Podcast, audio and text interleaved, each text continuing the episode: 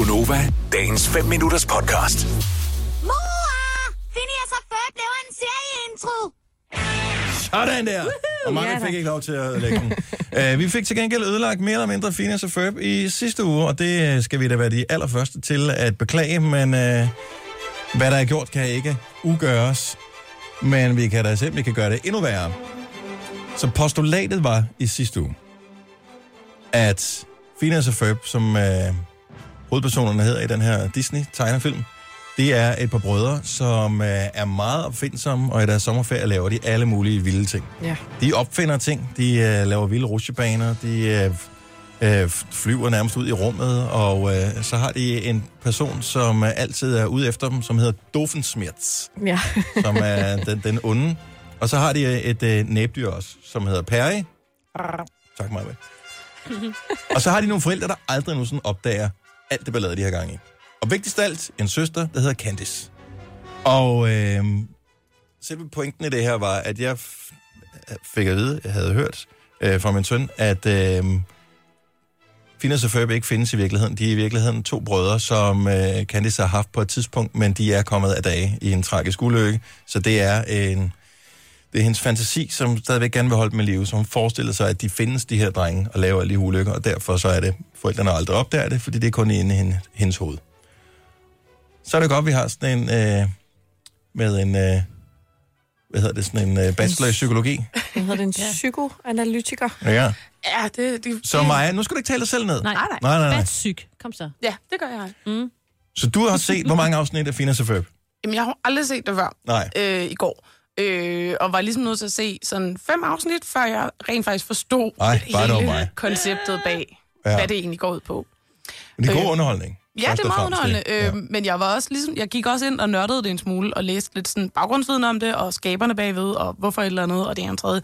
Det, øh, det var meget sjovt. Det kan man godt bruge lidt til noget analyse, tænker jeg. Og inden vi går i gang, så skal jeg lige øh, fortælle, at jeg fik en besked her til morgen fra en af vores lyttere, som fortæller, at det faktisk ikke er fremmed for... Øhm... Oh, hvad fanden blev den af? Det er ikke fremmed for Disney at øh, putte små forskellige øh, dystre hemmeligheder ind i deres øh, tegnefilm. Der er mange rygter om, at mange af deres gamle tegnefilm i virkeligheden er baseret på dystre, altså Peter Pan skulle i virkeligheden være sådan en, som øh, hvad hedder det, tager børn over til dødsriget mm. og sådan nogle ting. Mm. Så øh, det er ikke så fjernt, at Phineas og Ferb skulle være en tragedie. Nå, men hvad har du set? Er det et enkelt afsnit eller flere, som du går ud fra? Altså, jeg, jeg, har, jeg har set flere for ligesom at forstå øh, Candices, øh, skal vi kalde det, reaktionsmønstre, Mhm. øh, og hvordan hun forholder sig til de her brødre. Øh, jeg har meget taget udgangspunkt i et, et afsnit, øh, for ligesom at, at dykke ned i det. Øh, men, men man kan sige, der er jo mange ting i det, øh, hvis man virkelig tager Freud-hatten på og trykker den godt ned over ørerne, Ja, men det skal man gøre. Ja, som, skal som man faktisk altid. understøtter den der teori. Ja, vi har taget Freud-dragten på. Så Jamen, det bare, øh, Fordi at, at øh, ifølge Freud, så, så øh, kunne man godt argumentere for, at Candice faktisk har en psykose. ja, Øh, fordi en psykose i Freuds øjne er faktisk det, der hedder en verdensundergang. Mm-hmm. Det er fordi, der ligesom sker et clash mellem det, der sker i virkeligheden, og så ens forståelse af, hvordan verden er. Så ja. hvis hendes forståelse er, hun har to brødre, hun har en mor og en stedfar, og de lever det her liv, men de rent faktisk været ude for en ulykke og ikke lever længere, så kan det godt være så stor en, en ændring i hendes verdensforståelse, at hun simpelthen har fået en psykose. Og at hun at derfor ligesom laver en, øh, en vrangforestillingsverden. I rest my case. Var der nogen, der tvivlede nu?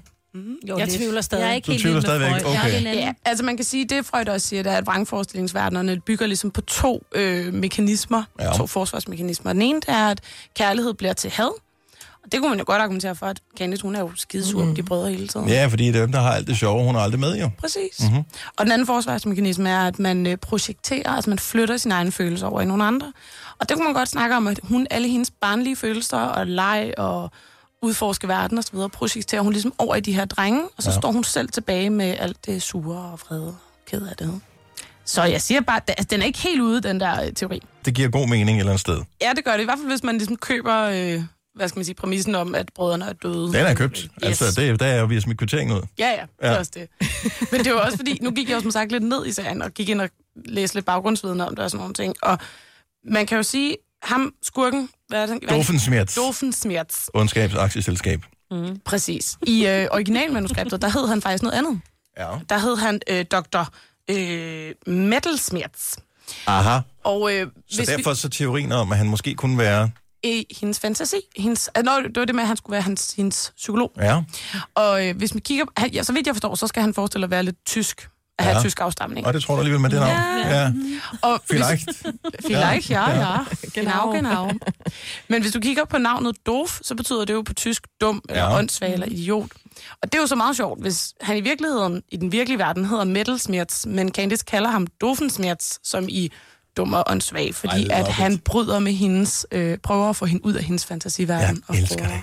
og få hende til at forstå, hvordan tingene hænger sammen. Lagde du mærke til, da du så det, for du var helt ny til Phineas og Ferb, har aldrig set det før. Nej. Uh, lagde du mærke til, at, og det fremgår allerede i det første afsnit, at brødrene ikke har den samme far? Ja. Uh, så Phineas har den far, som er med i serien, men Ferb, som er den, der ikke siger noget, han har en anden far. Mm. Og Ferb har et trekantet hoved. Og hvem har også et trekantet hoved? Dr. Doofensmerz. Doofensmerz. Yes. Jamen, det læste jeg faktisk også lidt på, øh, i forhold til, om han kunne forestille at være hans far. Og mm-hmm. det er i virkeligheden er derinde, der ligger nogle komplekser også. Ja, Men øh, jeg kunne læse, at skaberne bag serien har været ude og sige, at det er det altså ikke. nej. Men de vil stadigvæk ikke sige, hvem faren er. Så der kan man jo så lægge to og to sammen stadig. Ja, det synes jeg måske godt, øh, man kan.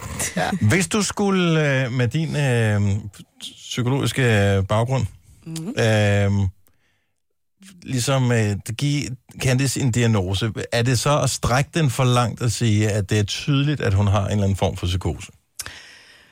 Altså igen, hvis vi trækker Freud-hatten ned, så vil man i hvert fald kunne sige, at hun Nu synes jeg, du gemmer dig bag Freud. Ja, Ikke? Jeg synes, han var ikke så høj, så det kan du ikke. altså, jeg er villig til at begå det karakter, hvor lige præcis her og nu.